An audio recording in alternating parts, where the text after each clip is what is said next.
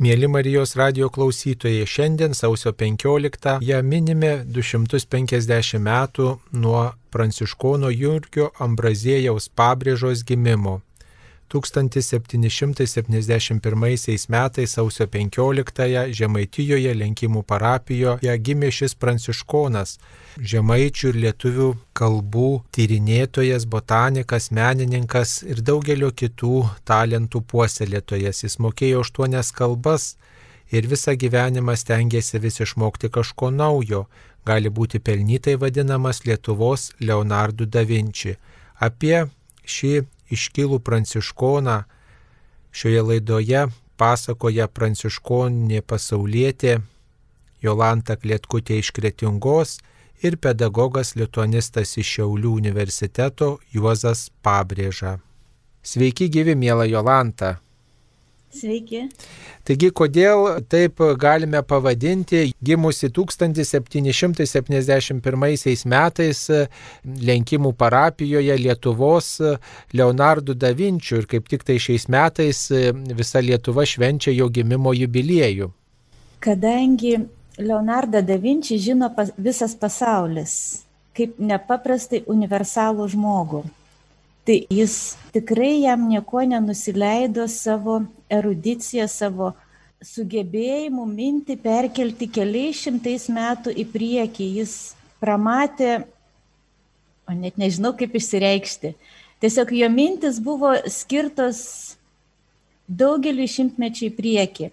Ir dabar, kai aš pabandžiau vakar susirankėti, pavyzdžiui, kaip žmonės jį vadina, kaip įvardyja, tai vienas iškiliausių XIX amžiaus švietėjų - mokytojas, kunigas, garsus pamokslininkas, nuodėmklusis, dvasios tėvas, trečiojo ordino pranciškonas, dvasinio turinio knygų autorius, liaudės gydytojas, lietuvių botanikos tėvas, poetas, menininkas, žemaičių bendrinės kalbos kūrėjas, mokyklos ugdyti rašome bendrinę žemaičių kalbą pradininkas pirmojo lietuviško geografijos vadovėlio ir geografijos terminų autorius, lotynų kalbos vadovėlio autorius, o liaudėje vadinamas tiesiog švento gyvenimo žmogus. Ir jo pamokslai, kuriuos aš taip pat vat, bandžiau vakar skaityti vakare, tai kalba tiesiai širdį. Atrodo, kad jis gyveno ne kažkur 18 amžiuje, bet šiais laikais. Jo pamokslai tiesiog šių laikų žmonėm, bet netgi šiametiniam pandemijos laikotarpėje skaityti jo pamokslus, tai yra nu, toks dvasinis įkvėpimas ir tokia paguoda, kad nežinau, kaip geriau išsireikšti. Kaip atsitiko, kad vis dėlto tiek daug talentų turintis žmogus ir netgi e, malonių suteikęs žmogus, nes prie jo kapo kretingoje daugybė žmonių prašė įvairiausių malonių, o vis dėlto e, nebuvo paskelbtas nei palaimintuoju, nei šventuoju dar iki šiol. Vėlgi tas jo nepaprastas kuklumas. Jam pačiam gyvam esant ne viena jo knyga nebuvo išleista. Jis viską darė dėl žmonių čia ir dabar. Jau tame žemaičiai kalbėjo, kad jisai yra švento gyvenimo žmogus ir to pakako. O kadangi žemaičiai, kaip galima sakyti, paskutiniai pasikrikšti, tai jiems kaip ir nereikia tų visų dokumentacijų, įprasminimų, įvardyjimų. Ir prieš keletą metų vat, mes pranciškonai pasauliečiai bandėme rinkti parašus, kad Jurgio Ambrazėjaus asmenybė būtų įtraukta į Dievo tarnų sąrašą. Tai žemaičiai stebėjusi, sako, jisai ką dar nešventas? Tai Tiesiog ir tarpukariu buvo rinkta medžiaga, bet kadangi užėjo sovietų okupacija, tai praktiškai net nežinome, kur ta medžiaga pranciškonų rinkta dingo. Ar sudeginta, ar išvežta, ar, ar vienu žodžiu Vatikano jį nepasiekė ir nežinome, kur visas tas įdirbis. Bet aš manau, kad Dievui nėra negalimų dalykų ir kažkada tiek bus paskelbta šventuoju. Jūs kadaise e, radote Švento Antano kalendoriuje, kuris išleistas 1940 metais tokį įrašą. Jeigu kas nors nusiskundžia, kodėl Lietuvos katalikai neturi šventųjų, kurie savo dvasios kilnumo atgaivintų mūsų siekimus, karts nuo kartų sukeltų religinį atgimimą, tai šitoks nusiskundimas yra neteisingas arba bent jis yra tiek teisingas, kad apkaltina mus pačius nerūpestingumu, nemokėjimu įvertinti savo žmonių, kurie mūsų tarpe bendraudami su mumis pačiais pragyveno savo ilgą amžių tikrai šventų gyvenimų. Jie paliko mums kilniausius pavyzdžius visose gyvenimo srityse ir savo gyvenimo šventumą paliudyja iš anapus karsto. Taigi toks užrašas prieš karą buvo Švento Antano kalendoriuje ir gali būti pritaikytas Jurgiui Ambraziejui. Taigi galbūt pristatykime, koks jo gyvenimas, štai jis tikrai sulaukė ilgo amžiaus, mirė beveik 80 metų, kas aniems laikams turbūt buvo netaip dažnas dalykas. Kodėl jis yra žinomas pranciškonams ir kodėl jis turėtų būti žinomas mums visiems, ne tik žemaičiams, bet ir visai Lietuvai? Žinomas pranciškonams dėl to, kad įstojo į pranciškonų ordiną, tačiau jis labai norėjo padėti žmonėm, padėti tiem, kurie serga ir neturi pinigų gydytojui. Ir dėl to jis pasirinko netgi ne pranciškonų ordiną, o 1816 metais įstojo į tretininkus. Ir kaip jisai pats rašė, kad tinka būti tretininku, kad Zokono vyresnybė per visą amžių niekur nekilotų. Jis nenorėjo nei būti renkamas, nei pareigų jokių nenorėjo, jis norėjo tiesiog eiti, tirti žoleles, aiškintis jų gydomasias savybės, kad žmonėm nereikėtų pirkti brangių vaistų, o galėtų čia pat kieme pasirinkę gydyti savo ligas turbūt labiausiai ir buvo gerbiamas dėl to, kad labai išmanė žoleles ir, ir netgi buvo parašęs knygą, kurioje susistemino įvairius augalus. Ir neveltui net ir paminklas pastatytas jam prieš kretingos bažnyčią ir vienoje rankoje laiko jis augalų šaknis, kita ranka ištiesta ranka tą augalų dalį tarsi dovanoja žmonėms. Turbūt dėl to labiausiai žmonių ir buvo gerbiamas. Žinoma, ir jis buvo ne, ne tik gydė kūną nuo fizinių lygų, bet jisai gydė ir sielą. Jis buvo labai geras nuodėmklausis, pas jį traukdavo iš visos žemaitijos žmonės iš pažinčių. Kai broliai pranciškonai jį paskyrė pamokslininku, tai žmonės plaukdavo iš visų parapijų jo pamokslų klausyti. Ir netgi Valančius Žemaičių viskupystėje rašė, kad žmonės jo pamokslų kaip kaip kokio apaštalo su didžiausia tada klauso ir nemažai gauna pelno išganimui. Kad jis, kazelyčia nusilipęs vien tėvę mūsų tesukalbėtų ir ta jo malda nebūtų be dieviškos naudos žmonių, nes taip yra už šventą turimas, jog tarsi jo pasirodymas jau draudžia žmonės ir veda prie gero. Daugel dievo baimingų žmonių turi jį už vadovą keli išganimo Todėl kunigas kasdieną valandų valandas klauso išpažinimo nusidėlių. O norėdamas dar ir miręs mokyti žmonės, parašė jiem knygelės. Bet be galo darbus tas zakonikas niekuomet nespėja. Vos atkalbėjęs poterius ir kitus apie žygius diena iš dienos rašo. Pratesk Dievę jam amžių ir suteik turtingą poną, kuris per jį parašytas knygas išspausdinę žmonėm paskelbtų. Tai va net valančius jam ilgą amžių yra išmeldęs iš Dievo. O pats rašė apie save, kad tapęs pasauliniu kunigu ir eidamas luomo pareigas, turėdavo lankyti įvairius ligonius, neturinčios jokios medicinės pagalbos. O jų kančios mane labai jaudino. Tad norėjau nors šiek tiek padėti jam gydytis. Tačiau kadangi neturėjau jokio šios srities vadovo, kuris man būtų atskyręs vaistinius augalus nuo nevaistinių, buvau priverstas iš eilės rinkti ir determinuoti visus augalus, kuriuos tik pastebėjau pievoje. Ir tai vis tik tam, kad pažinčiau ir atrinkčiau vaistingus.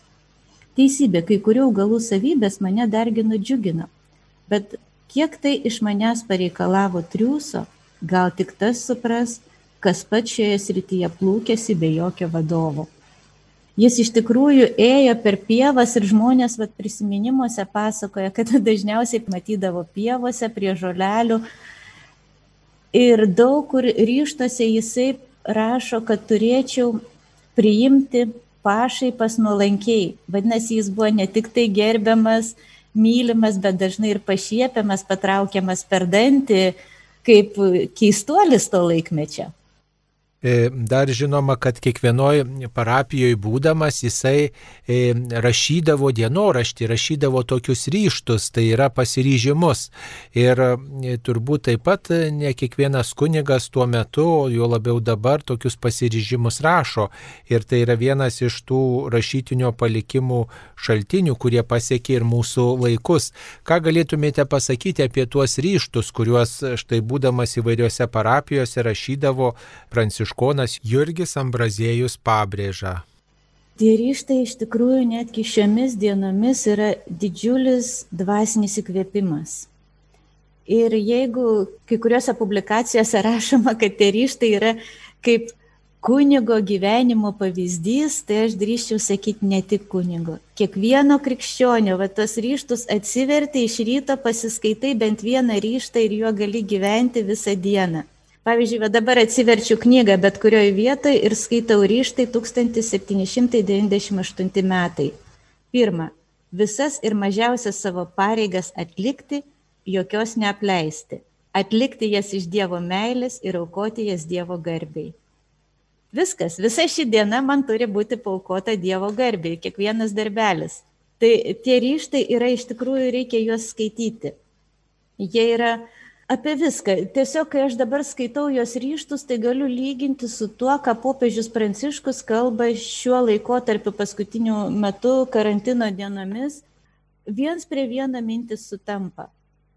Ir apie artimo meilę, ir apie apkalbas, ir apie sugebėjimą nusidėjėlį žmogų matyti kaip Dievo kūrinį ir sugebėti jį atskirti nuo, nuo nuodėmės. Va, dabar vėl atverčiu, būtinai laikyti tvarkoje mintis, saugotis ne tik blogų minčių, bet ir nenaudingų ir tuščių. Visada turėti klusnumą ir atsidavimą Dievo ir bažnyčios įsakymams. Vienu žodžiu, tie ryštai tai yra tikrai verta kiekvienam pasiskaityti. Dar vienas toksai labai gražus ženklas išlikęs iki mūsų dienų, tai yra jo e, ranka tapyti paveikslai. Bent keli paveikslai išlikę iki mūsų dienų, religiniai paveikslai, jie byloja apie šios asmenybės tokį unikalumą, kad jis būdamas e, įvairių talentų žmogus dar sugebėjo ir piešti, o galbūt žinoma, kad e, jis ir daugiau tų paveikslų yra nutapęs, galbūt jie neišlikę, o galbūt kažkur išlikę, tik tai ne priskiriami. Deja, tikriausiai šito dalyko mes jau ir nebesužinosime, nes Kretingos muziejuje yra saugoma bažnytinė vėliava dvipusė tapyta. Tai manoma, kad ji tapyta vien dėl pranciškono Mykolo Tamašiūno pasakojimo.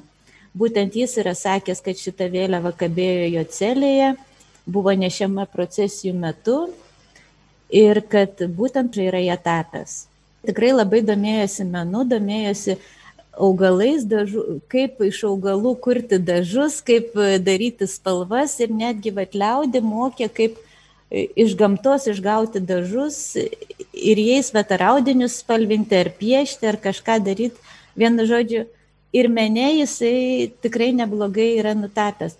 Ir yra toks spėjimas, kad tos vėliavos vienoje pusėje yra mergelė Marija, kitoje pusėje šventas Antanas kad kodėl būtent šios siužetus pasirinko, tai greičiausiai tai, ką tuo metu matė Kretingos bažnyčios altoriuose. Vienoje pusėje mergelė Marija buvo, kitoje pusėje buvo šventasis Antanas. Ir yra išlikęs vienas e, Jurgio herbaras, kuris yra pieštas ir klyjuotas augalais. Tai taip pat yra Kretingos muziejuje. Ir labai gražus tekstas tame herbarėje įrašytas. Dievas mato, laikas bėga, mirtis artėja, amžinybė laukia. Tai galima sakyti, kad šitas tekstas buvo gyvenimo moto Minėjot apie šventąjį Antaną, e, tai jis ne tik tai kaip pranciškonas šventą Antaną e, mylėjo, meldėsi ir prisimindavo, bet e, teko girdėti, kad jis netgi patyrė švento Antano tokią įstabę pagalbą ir netgi pasirinko pranciškonus vien, dėl, vien tik dėl to, kad šventasis Antanas jam padėjo. Gal kažką daugiau apie tai galite papasakoti? Yra Žemaitijoje labai graži legenda, nežinau, kiek toje legendoje yra tiesos, tačiau žmonės pasakoja, kad bent jau ryštuose yra rašyta, kad į pranciškonus jis tikrai negali, negalvojo netgi stoti. Nes turėjo dėdę pranciškoną ir jam to galbūt pakako, jis norėjo būti paprastu parapiniu kunigu.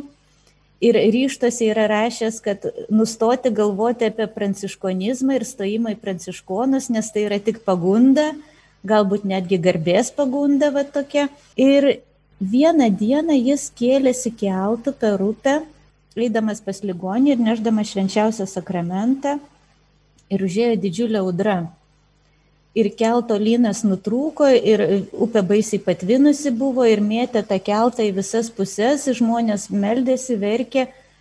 Ir tuomet Jurgis pabrėža, davė pažadą Dievui, kad jeigu išgelbės visus žmonės, jis stosi pranciškonus.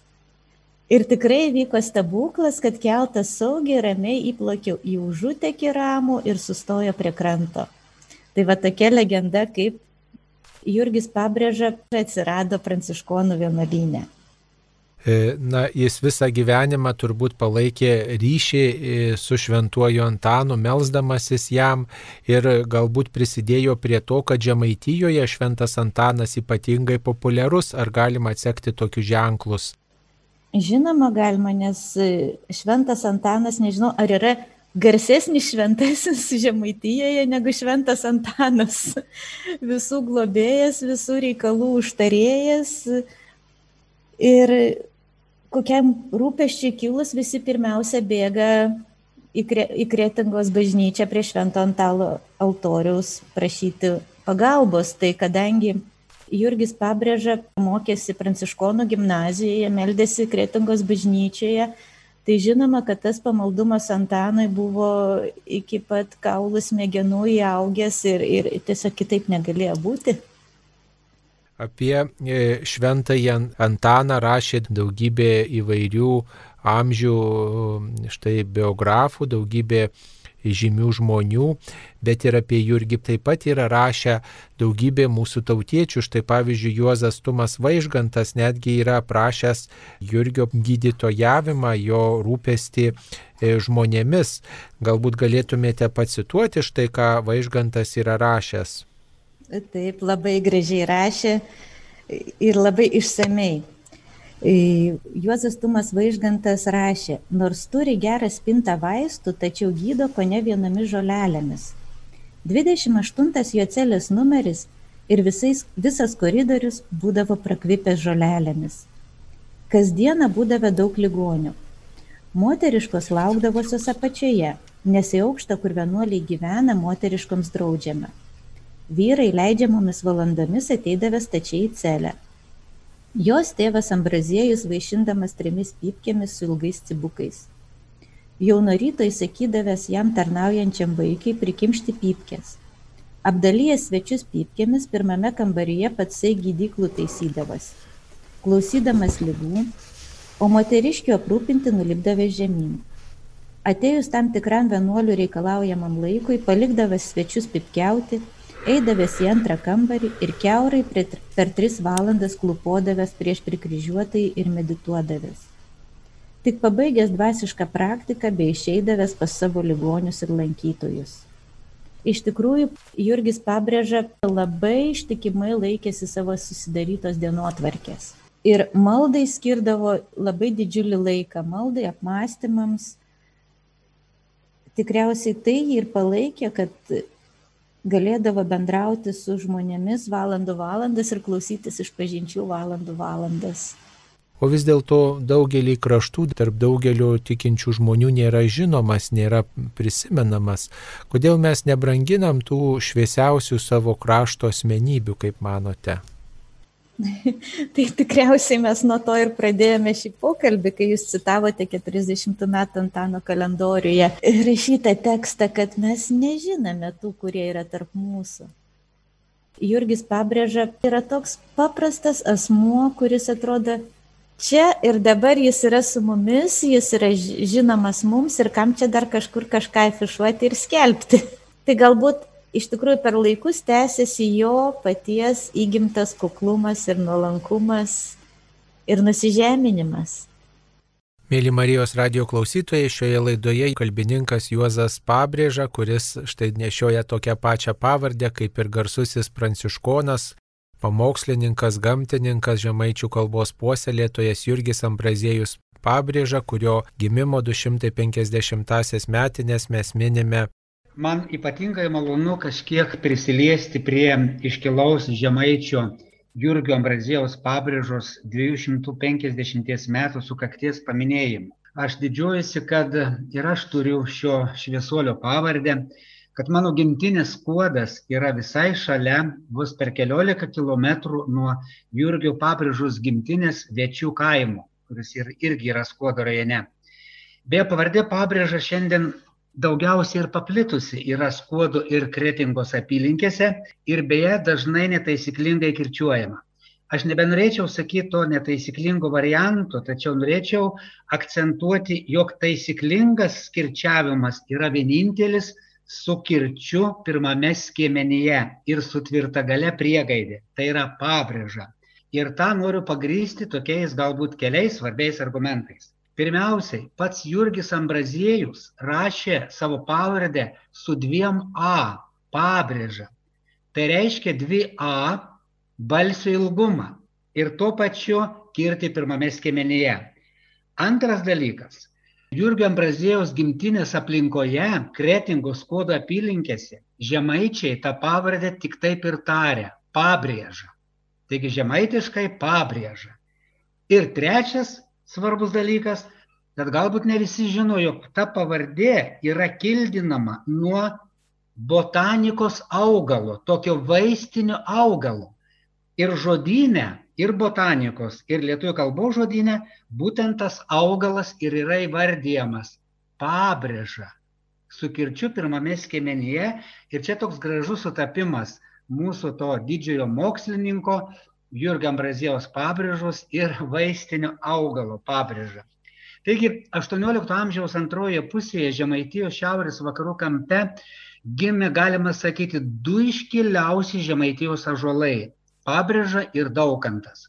Beje, įdomu, kad jų gimtinės Večių kaimas, pabrėžus gimtinė ir Kalvių kaimas, daukantų gimtinė yra visiškai greta vienas kito per keturis kilometrus tik tai.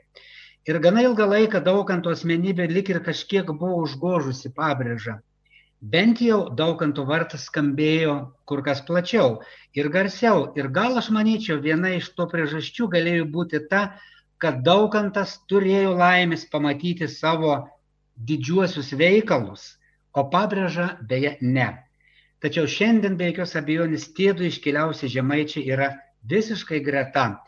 Ir Jurgio Ambrazijaus pabrėžus nuopelnai krašto mokslui, religijai, kultūrai yra milžiniški. Ir svarbiausia, kad jie yra ne vienos ryties, o kelių ir, sakyčiau, tokių skirtingų sričių. Aš gal išskirsiu tik tai tris. Pirma, nebejotinai didžiausias pabrėžus nuopelnas yra jo botanikos raštas. Pabrėža ryžosi sukurti botanikos medicinos terminus.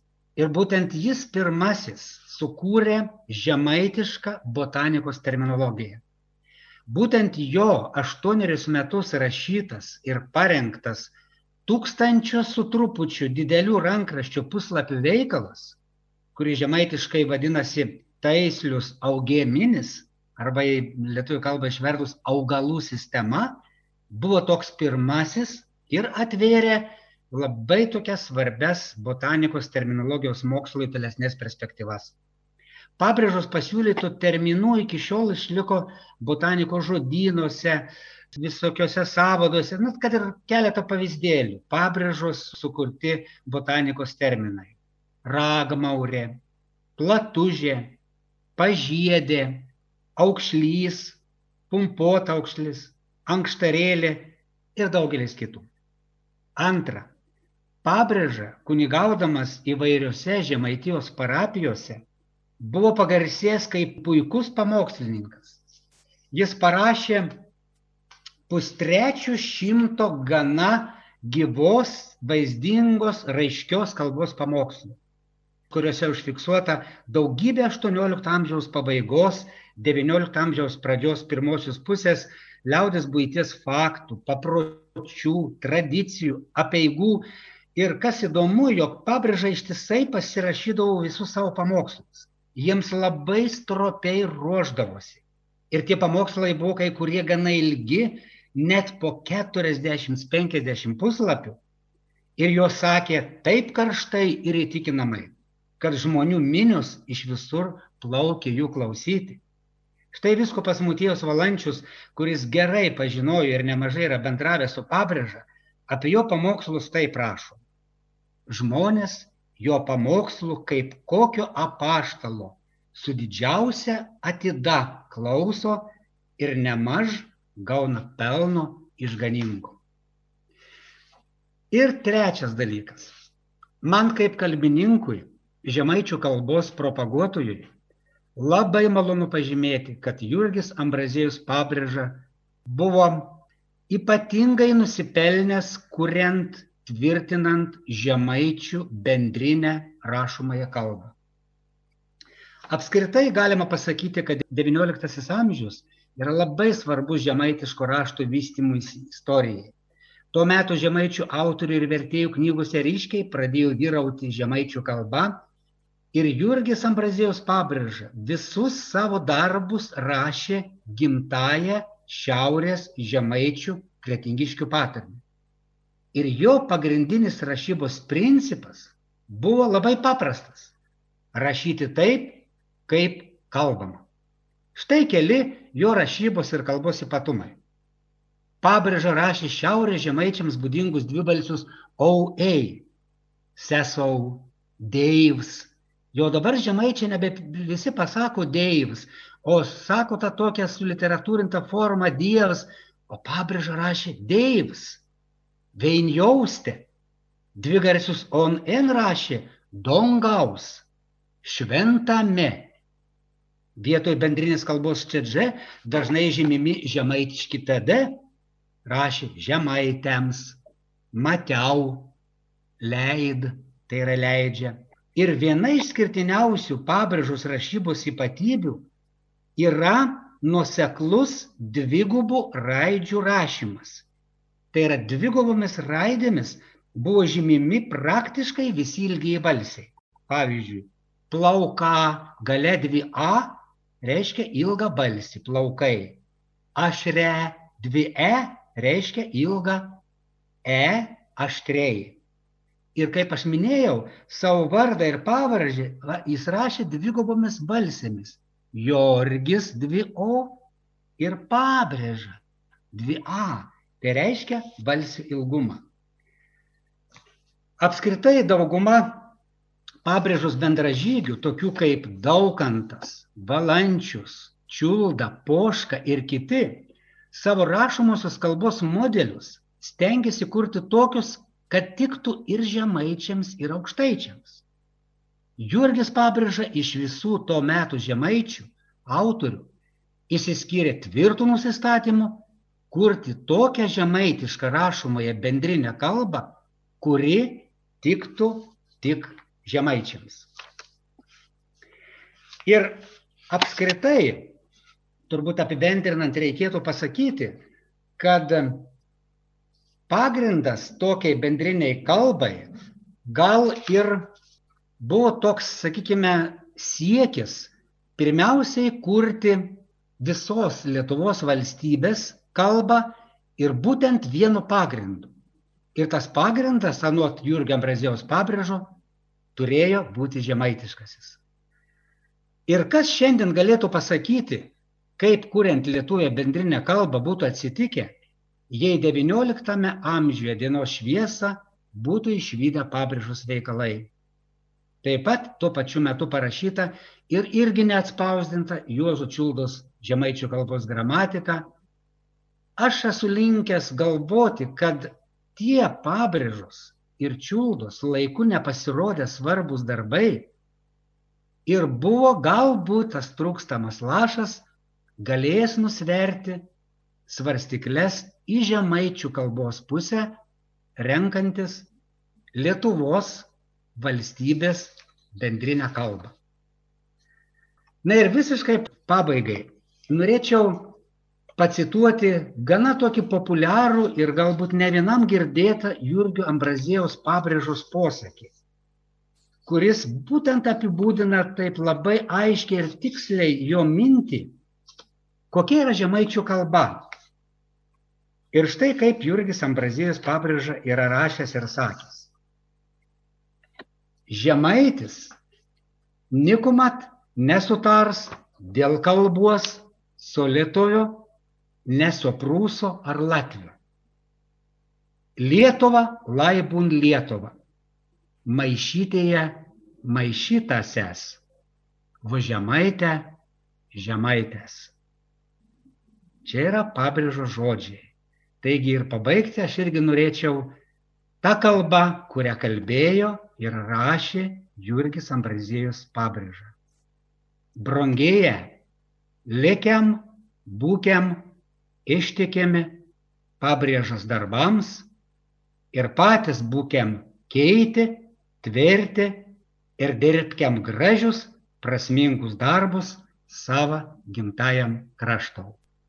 O ko galėtų būti Jurgis Ambrazėjus pabrėža aktualu šiais laikais, e, ne tik tai Žemaitijoje, bet ir visoje Lietuvoje. Štai Lietuvos Respublikos Seimas šiuos metus mini kaip Jurgio pabrėžos metais, ko mes galėtume pasimokyti iš šio dvasininko, botaniko, kalbininko ir kitų sričių žinovo pasimokyti galėtumėm labai daug iš visų pagrindinių galima pasakyti, Jurgio Ambrazijos pabrėžos darbų ir iš viso jo gyvenimo. Visų pirma, labai tokio kruopštaus, atidaus susikaupimo bet kokiam darbui. Na tarkime, kad ir rašydamas ir kurdamas pamokslus, Jurgis Ambrazijos pabrėža pats labai daug turėjo apvažiuoti, apeiti Žemaitijos kaimų įsigilinti į jų gyvenimą, į jų papročius, tradicijas ir visą tai labai vaizdžiai išraiškingai išdėstyti savo pamoksluose. Taigi ar tai ne pamoka šiandien, kaip reikia labai atsakingai ir su tokia dideliu kropštumu daryti visus darbus. Pabrėža yra to pavyzdys. Pagaliau netgi, sakykime, iš tų papročių, kuriuos jūs mini, šiandien, sakykime, dauguma yra labai aktualių ir svarbių.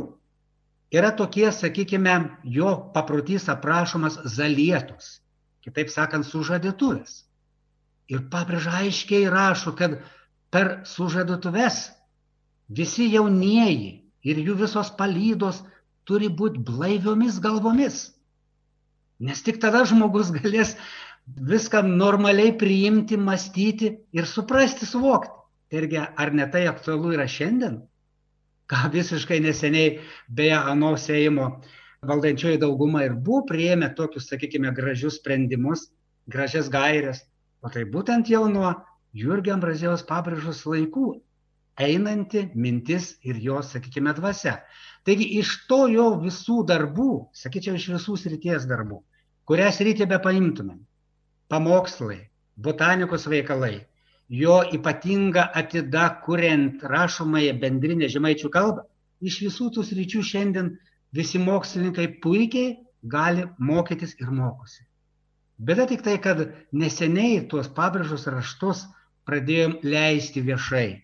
Ir, sakykime, profesorius e, Gėdrius Subačius įdėjęs labai daug pastangų turbūt pirmasis buvo tas, kuris nuveikė milžinišką darbą, kad 2009 metais, netaip seniai, mes galėjom išvystyti tą tokį didžiulį gražų Jurgio Ambrazijos pabrėžos veikalą, patį svarbiausią, tą mano minėtą taislius augeminis, botanikos savadas.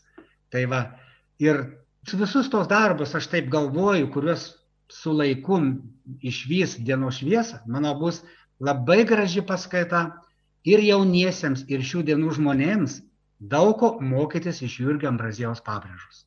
O štai jis gyveno 18 amžiuje, bet kodėl štai tik dabar mes atkreipiame dėmesį į jo darbus, į jo gyvenimo istoriją, į jį kaip į pranciškoną, kaip į mokslininką, kodėl anksčiau kažkaip mažai jam buvo skiriama dėmesio, kaip jūs manote? Na, aš negalėčiau pasakyti, kad anksčiau to dėmesio buvo visiškai mažai. Net, sakykime, kai pranciškonai atsikėlė į Kretingos vienuolyną, jie ypatingai dėjo daug pastangų prikelti Jurgio Ambrazijos pabrėžos e, palikimą ir juk kas yra padaryta Kretingoje pranciškonų, o pranciškonai įtakojo ir kitus kultūros žmonės, yra tikrai netaip jau mažai. Ir mes apie Jurgį Ambrazijų pabrėžą tikrai žinome ne iš paskutiniųjų metų.